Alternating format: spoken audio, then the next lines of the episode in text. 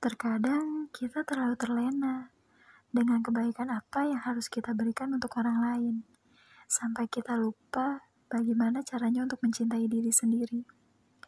Terkadang kita terlalu banyak drama, berpura-pura bahagia, sampai pada akhirnya merasa bahwa diri kita tidak memiliki kualitas apa pun yang dapat dibanggakan.